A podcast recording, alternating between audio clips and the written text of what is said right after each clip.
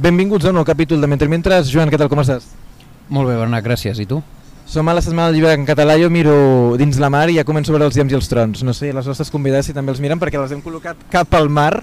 Um, en són unes... Eh, ara vaig una per una, començo per la Marina Garcés. Què tal, Marina, com estàs? Hola, molt bé. Aquí, Ben tornada esperant la tempesta, a amb Mentre moltes Mentres. ganes. Home, esperant la tempesta no em sembla ja millor idea per començar. Begoña Saez, què tal, com estàs? Molt bé, moltes gràcies. Benvinguda a Mentre Mentres. Gràcies. Roser Omar, què tal, com estàs? Bona tarda, molt bé. Benvinguda també a Mentre Mentres. Ja veieu que aquí hi ha dues editorials, Fragment Editorial i Galàxia Gutenberg. Són tres llibres que són força de similars o diferents, ara entrarem en detalls. El que és cas és que ara heu presentat l'Adriana Cabarero Inclinacions, conjuntament heu presentat el volum que acaba de publicar la Marina Garcés, Males Companyies, ara en parlarem de les males companyies, avui espero que estiguis en bona companyia, i acabarem també eh, presentant i parlant també amb la Roser Humà. Roser, deixa'm que comenci amb tu, tu t'has encarregat de, de fer una traducció gairebé monumental en paper bíblia d'un diccionari de símbols. El diccionari de símbols, eh, quan ets un estudiant d'humanitats en consultes molts,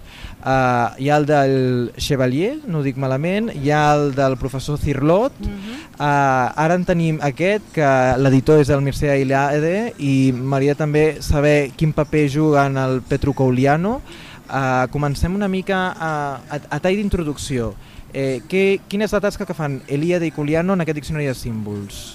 Val, hem de tenir en compte que aquest diccionari de símbols eh, són uns articles que s'extreuen d'una enciclopèdia de les religions de les quals, de la qual eh, es, va ocup, es van ocupar Mircea Eliade i eh, aquest col·laborador seu, també compatriota, i, de fet, aquests, eh, aquests extractes d'aquests 16 volums de l'Enciclopèdia de les Religions es va fer posteriorment val? i diguéssim que els editors ja eren morts quan es va fer aquest extret. Per tant, eh, el que es fa és eh, recollir articles d'aquesta enciclopèdia de la història de les religions sempre des d'una mirada aquesta dels símbols i s'inclou en aquest diccionari. Per tant, és, diguéssim, una obra una mica complexa en la seva, en la seva factura. Mm -hmm. uh, has fet l'esforç també d'entendre, ara he citat dos diccionaris més de símbols, cap a on va cadascun d'ells? Eh, o directament et faig la pregunta, uh, aquí sobrepassem el cristianisme i la tradició occidental? Aquest diccionari busca també superar això, que en els altres dos pel que fa al símbol no ho fan? Aquí, evidentment, se supera això perquè tenim un ventall de cultures eh, extensíssim. Tenim, per exemple, eh, el símbol, podríem posar un exemple, el símbol dels cabells, que s'estudia eh, i es revisa en la cultura hebrea, però també en cultures de, de, de Papua, en cultures de l'Amèrica, per tant, sí que eh, aquesta qüestió dels símbols recorre totes les èpoques, perquè també podem anar eh, fins a Egipte, fins a l'antic Egipte, i recórrer tota la geografia mundial, de fet. Mm -hmm. És aquesta idea no, que el símbol traspassa totes les fronteres i es pot estudiar i es pot revisar des d'una hermenèutica de, de les religions en, tot aquests, eh, en tots aquests països i en totes aquestes èpoques, perquè tenim com dic, eh, des de l'antic Egipte, des de l'antiga Mesopotàmia, fins a l'actualitat, perquè de fet eh, en l'article aquest dels cabells també no, es parla dels usos actuals eh, de- d'aquest símbol, quins significats pot arribar a tenir. Tornarem en aquest diccionari de símbols, però ja començo a fer salts. Marina Garcés, et passo ara la pilota. Marina, què tal, com estàs? Molt bé. Com ha anat la presentació de Males Companyies? Ara que heu presentat aquí a l'escenari, contenta, ha anat jo molt crec bé. que molt bé. Molt sí. bé, molt bé. Sempre, quan va bé, queden ganes de, de seguir conversant de moltes coses i això és un bon senyal. Males Companyies és un llibre que d'alguna manera relaciona amb unes bones companyies. Amb què es relaciona? No, eh, el, la tesi del llibre o la pista del llibre és que les males companyies són les que ens porten per bon camí i que per tant no s'ha de tenir por a seguir-les, a rodejar-nos o deixar-nos emportar per propostes, ja siguin que ens arriben a través dels llibres, a través de col·laboracions, a través de companyies reals, vives o fins i tot imaginades, Uh -huh. que què ens fan? Doncs sortir d'allò que toca, no? perquè sempre quan ens diuen no vagis amb males companyies ens ho estan dient des d'un lloc que busca la seguretat, el reconeixement, allò que cadascú li tocaria com a, a els seus acompanyants a la vida. Què passa quan no obeïm aquesta consigna? En aquest cas, Begoña, no sé si pel que acaba de definir la Marina eh, estem parlant d'una mala companyia quan parlem d'Adriana Cabarero.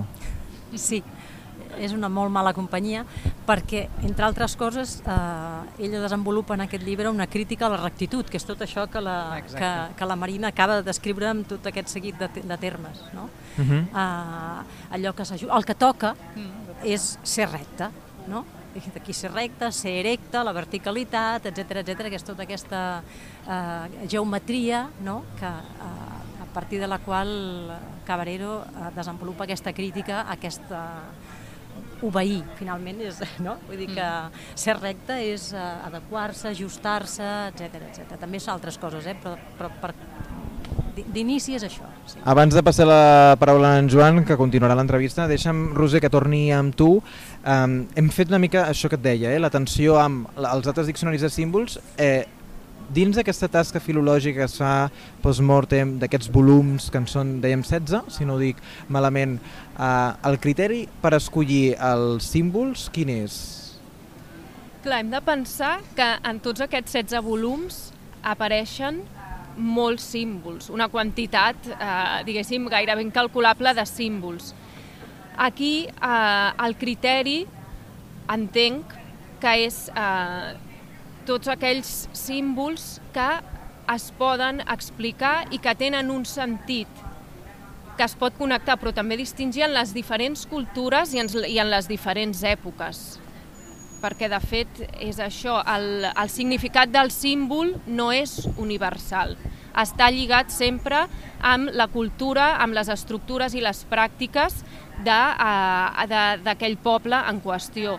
I, per tant, eh, tots aquests, eh, aquests símbols que apareixen recollits aquí eh, ofereixen un ventall de diferents interpretacions, algunes d'elles que s'acosten en cultures i èpoques diferents, però d'altres que es distingeixen i són gairebé antagòniques. Torno a passar la pilota, eh, és un joc d'anar passant pilotes. Sí. Clar, ara parlàvem d'una tasca filològica, en una tasca diguem de recuperació i ara sí tornem a les bones companyies, Marina. En el cas de Diderot ja t'hem sentit a parlar bastant perquè vau fer aquest, vas fer aquest, en aquest cas el pròleg quan es va recuperar el Jax del Fatalista. Ara, no sé si d'entrada ens pots fer una mica de pausa eh, publicitària, ens pots dir què serà aquest curs que hi haurà a l'Escola Bloom ah, sí? i entrem amb una mica amb la presència de Diderot en uns quants dels capítols, perquè ara estic llegint eh, el títol Molts amos i un criat, però en surten d'altres, per tant, no sé si d'alguna manera comencem per la Bloom i acabem per Diderot eh, travessant el llibre.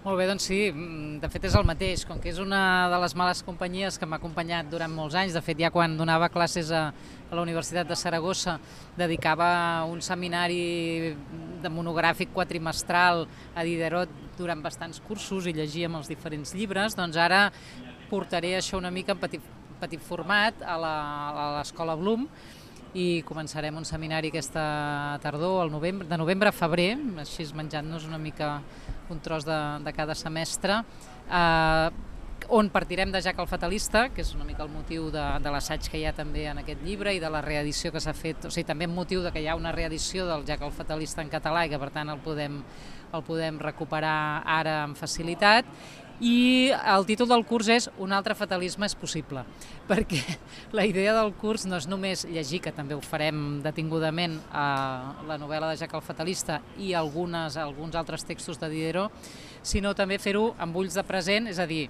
vivim en temps catastròfics o de catastrofisme, de col·lapse, totes aquestes paraules són part de la nostra, del nostre camp semàntic més quotidià, als diaris, a les converses, a les sèries, etc hi ha un altre fatalisme possible que no sigui el catastrofista?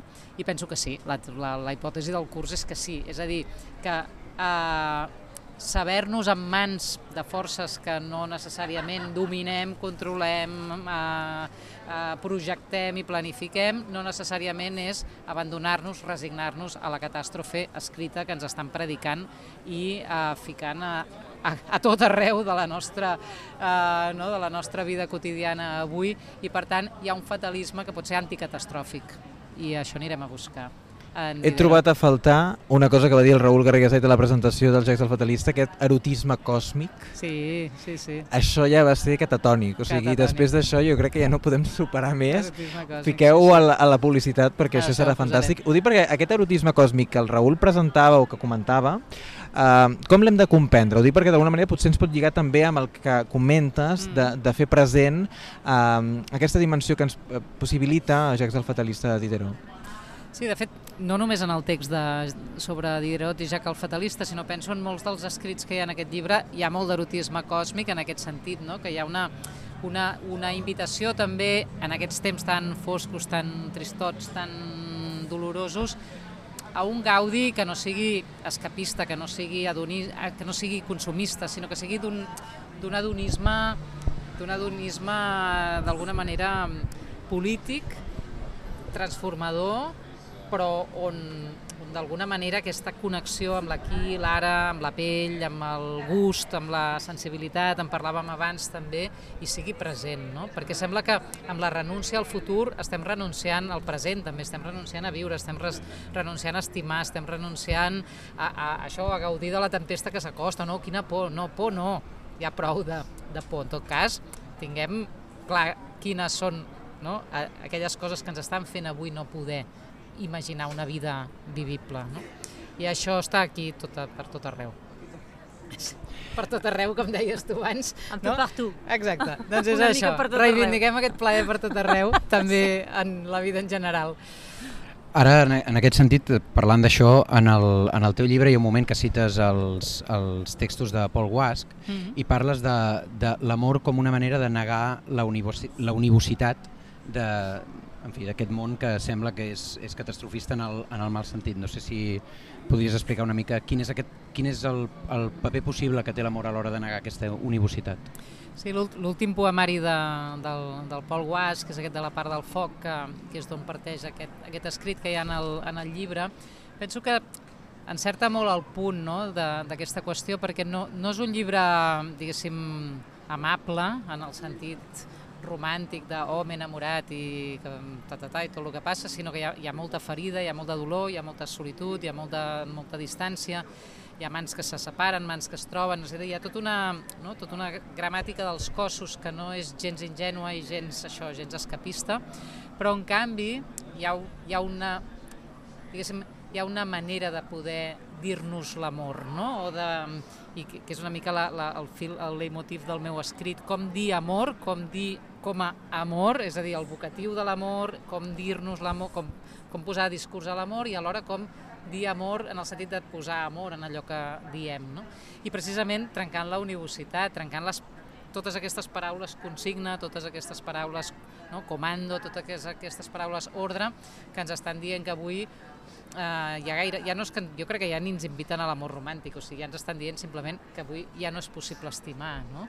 Eh, només protegir-se i fins i tot a vegades les cures, hi ha una cara de, de, de cert vessant que està agafant el cert discurs de les cures, que jo penso que ens l'estan pervertint molt, que és ja no podem estimar, només ens podem cuidar en aquest sentit de protegir-nos entre els mateixos, no? Que dius, no, no, això no són les cures, ni molt menys, no?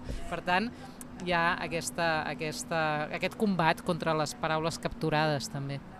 En el, en el teu llibre hi van sortint moltes idees, totes eh, venen donades per als textos amb els que vas dialogant. Mm -hmm. Eh, N'hi ha una que a mi m'ha interessat molt i que més ve, ve a tom per el, bueno, ve a tom per moltes coses, però l'última ha sigut, per exemple, el resultat de les eleccions a Suècia, on eh, durant la campanya hi ha hagut un, un discurs de l'odi claríssim en contra de la, dels, dels, dels estrangers, dels immigrants, i hi ha un moment en el teu llibre que reflexiones sobre, sobre això de la diferència i sobre la, la manera de folcloritzar les diferències i dius que és una manera com de pair-les, per dir-ho així, Mhm. i que potser no seria aquesta la manera com, com enfocar-ho.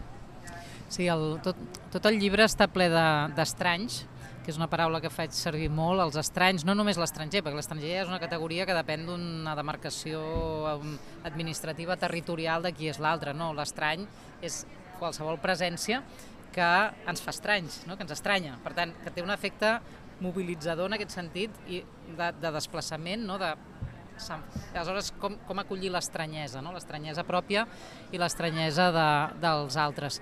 I, i precisament la manera com s'ha conjurat l'estranyesa és catalogant-la, fins i tot catalogant-la des de, moltes vegades des del concepte de diferència convertit en un catàleg, no? les diferències, no? les, fins i tot l'alteritat, no? com els altres posats en un costat a l'altre com si n'hi hagués uns que són els mateixos. Diu, no?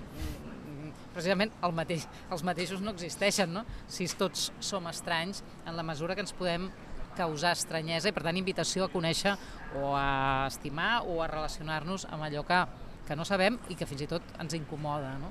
Aleshores, aquesta, aquest combat també contra la diferència catalogada i catalogable, de la qual aquesta ciutat és especialista, no? però també aquesta globalització d'alguna manera del, del, del mercat, no? que ha convertit en target qualsevol opció possible de vida.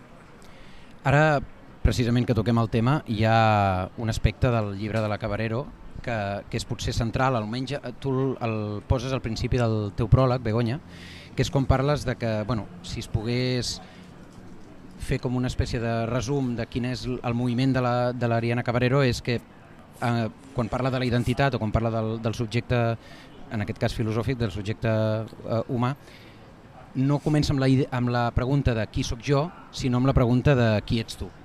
No sé si ens podries explicar una mica quin és aquest moviment que fa ella. Sí, de fet aquest, eh, aquest moviment d'alguna manera eh, eh, el, el, el fa Cabarero sostenint-se en dos pilars que després ella també revisa en el llibre, que són d'una banda Hannah Arendt i de l'altra Emmanuel Levinas. No?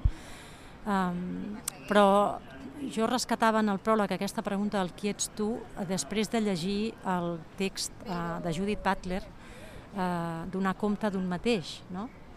I em va semblar molt bonic eh, diríem, el que planteja Butler en el text i que, òbviament, eh, també planteja Cabarero, que és que Um, de fet, tota narració de si només és possible des de com a narració d'altri, d'algú altre. No? I, I penso que en aquesta, que, que en aquesta tensió pronominal no? que, que es dona aquí, no en parlen aquests termes, però penso que aquí també hi ha una gramàtica, no? que podria ser una gramàtica d'estranyesa, que de fet no, no fa sentit si no és com a gramàtica d'estranyesa. No? Perquè perquè allò que efectivament té lloc en aquesta narració d'altri, quan la pregunta per qui sóc jo és alhora, i només pot ser alhora un qui ets tu, no?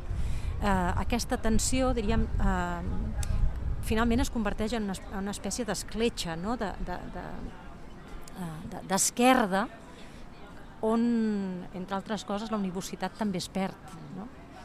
Eh, i, i el sentit, abans eh, t'escoltava, Rosa, quan parlaves del sentit dels, dels símbols, no? Clar, eh, el sentit és una qüestió que també eh, mm, eh, es, es toca, diguem, en aquesta afecció, de, afecció del pensament, no? Uh, una de les qüestions que es veu afectada és aquest sentit ple, aquest sentit que es dona d'una vegada per totes, aquest sentit uh, uh, diríem, que respon a la lògica dicotòmica, etc etc. No? Eh, la, la, la història de si és una història perduda sempre, no? podríem dir. El sentit de la història de si és sempre un sentit estrany, un sentit escardat, un, un sentit que no fa sentit, finalment. Clar. No?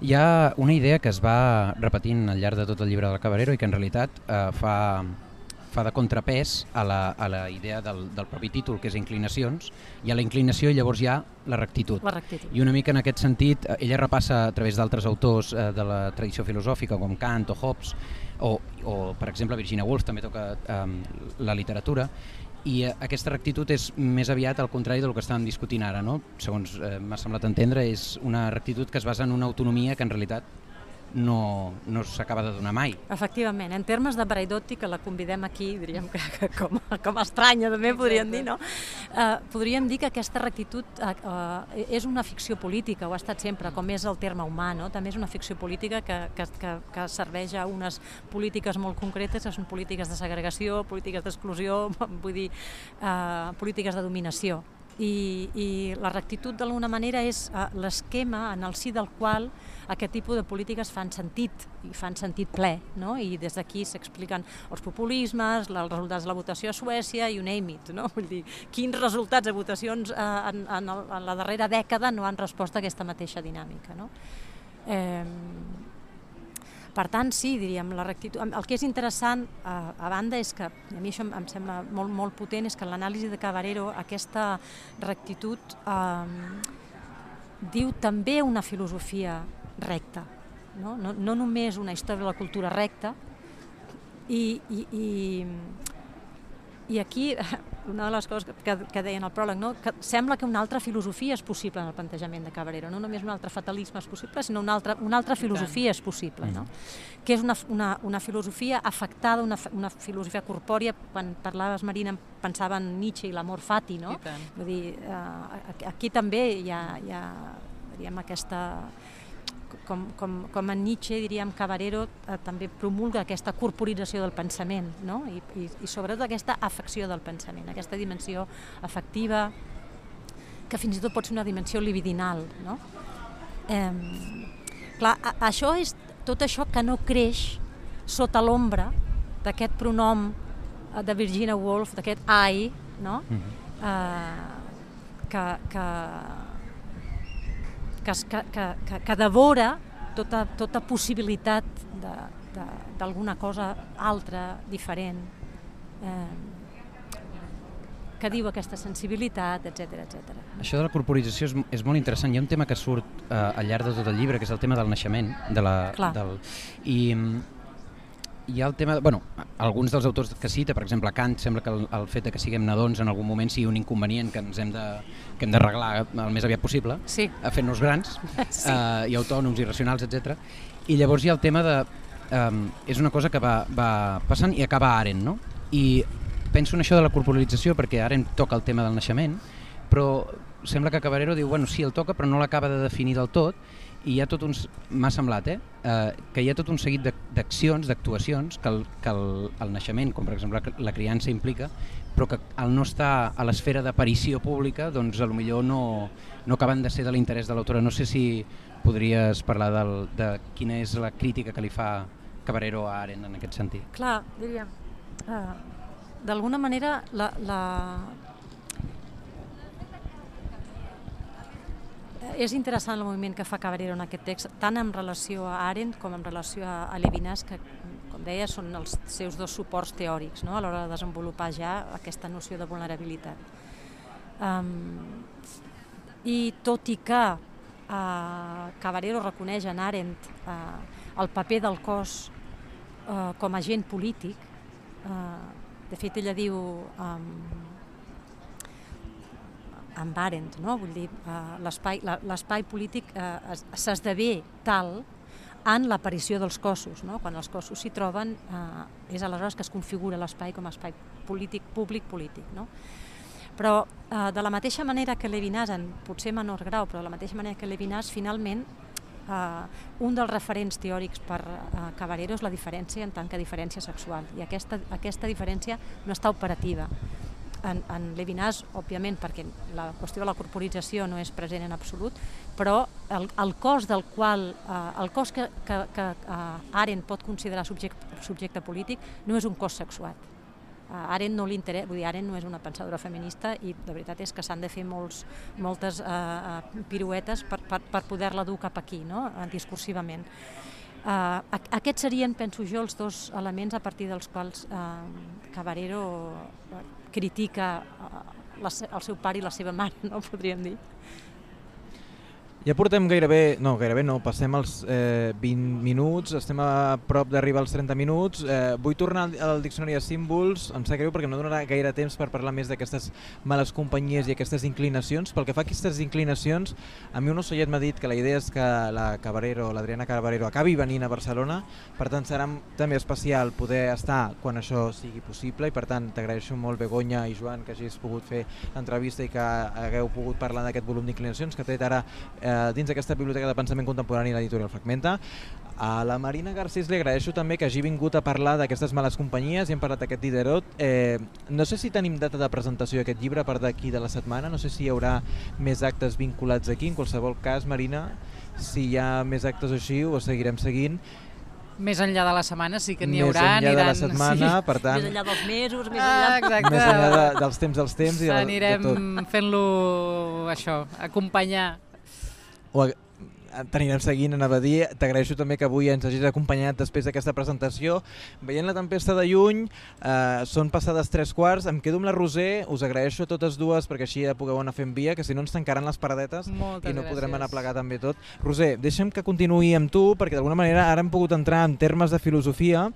En el teu cas, la teva tasca de recerca, quina és? Ho dic perquè eh, com també t'arriba la proposta aquesta de traduir un diccionari de símbols i com eh, d'aquesta manera també hi ha un punt vinculat a la teva recerca o no? Jo sóc filòloga clàssica de, de formació i doctora en filologia grega i per tant eh, tot el que és eh, la qüestió de, dels mites, de la mitologia i, i, i del pensament són eh, una, uns aspectes i uns àmbits que s'estudien dins de la, de la carrera de filologia clàssica i per tant doncs, entenc que la meva formació, no, més enllà del meu coneixement de l'italià, que és, són els textos, eh, la llengua d'on parteixen aquests textos, doncs podia ajudar una mica a entendre bé tots aquests articles, que no deixen, no deixen de ser articles científics, fets amb molt de rigor, però també explicats d'una manera accessible doncs, per un públic que, que no cal que sigui especialitzat, evidentment. Cercava el vocabulari del símbol en una de les converses. Han sortit elements que podrien recórrer-nos a la idea de símbol, però com veig que aquesta conversa en aquest sentit no puc entroncar, hi ha una altra entrevista que hem fet també entre mentres que sí que hem parlat molt de, de la festivitat popular i de les, de, en aquest cas, eh, de tot el que és el patrimoni popular aquí a Catalunya. Eh, jo he fet l'exercici, crec que l'exercici pot ser força interessant, de fer la contraposició, d'agafar tota l'etnografia, antropologia que se n'ha fet també de la recerca d'algunes de les figures mitològiques que el nostre imaginari popular occidental però sobretot català i digue-li mediterrani han fet i jo convido també, i gairebé seria com el postfaci d'aquesta mateixa entrevista perquè justament hi havia l'entrada del drac res a veure amb el que entenem per drac en, en... Vaja, potser, no sé, eh, podem trobar elements que ens poden ajudar, però res a veure amb, amb cultura popular o amb imagineria popular el que entenem per drac. No sé si ens pots fer 5 cèntims també com un exemple en concret o un d'altre, eh? Clar, aquí es revisen, eh, si no recordo malament, perquè clar, diguéssim que hi ha molts, eh, moltes entrades, però en el drac es, de, es revisen crec que dues qüestions bàsiques en aquestes entrades que són eh, les connotacions positives i també les connotacions negatives eh, d'aquest ésser. Clar, el drac, diguéssim que ocupa un lloc molt destacat en cultures claus com poden ser eh, la xinesa, però també la cultura grega en tota aquesta eh, manifestació del drac com una serp, perquè en grec la paraula grega drac la, ens la podem imaginar, l'ésser el podem imaginar tant com una serp com, com un ésser d'unes dimensions més grosses, però sempre eh, vinculat a aquest, a aquest reptil. No? Llavors, eh, clar, aquí diguéssim que el, les explicacions que es donen i els diferents sentits que es donen estan molt condicionades pel coneixement de cada especialista d'una cultura determinada o d'un seguit de cultures i d'èpoques i d'èpoques determinades. No? I sí que és veritat que potser tota la banda eh, del, del que seria el folklore no? i el, el pensament i, la, i les tradicions més populars en aquest eh, diccionari queden sobretot recollides en el món anglosaxó i també en cultures com eh, el, el que són eh, algunes tribus americanes de l'Amèrica, algunes tribus africanes, sí. Déu-n'hi-do, déu nhi déu tot el que ha sortit avui, uh, un dia més d'entrevistes. Roser Humà, gràcies per venir avui. Vau presentar ser dilluns aquest diccionari de símbols des de mentre mentre estàvem fent la presentació del Diògenes Laerci i ens vam contraprogramar si no haguéssim fet l'entrevista també dilluns. T'agraeixo molt, molt que hagis pogut venir avui, que tenien la presentació i és dues i hem pogut parlar de les novetats de l'editorial Fragmenta i ho hem pogut complementar amb la Marina que també s'hi ha sumat. Gràcies, de veritat, Roser, i gràcies també per donar-nos quatre detalls d'aquest diccionari de símbols que jo crec que anirem recuperant a mentre mentre a mesura també que hi hagin altres entrevistes i altres sortides d'emergència, com podríem dir també, per acabar parlant del que és el simbolisme, els símbols, però en aquest cas a l'estudi de les religions i també certa antropologia de les eh, tradicions més enllà de l'occidental. Gràcies, gràcies a vosaltres.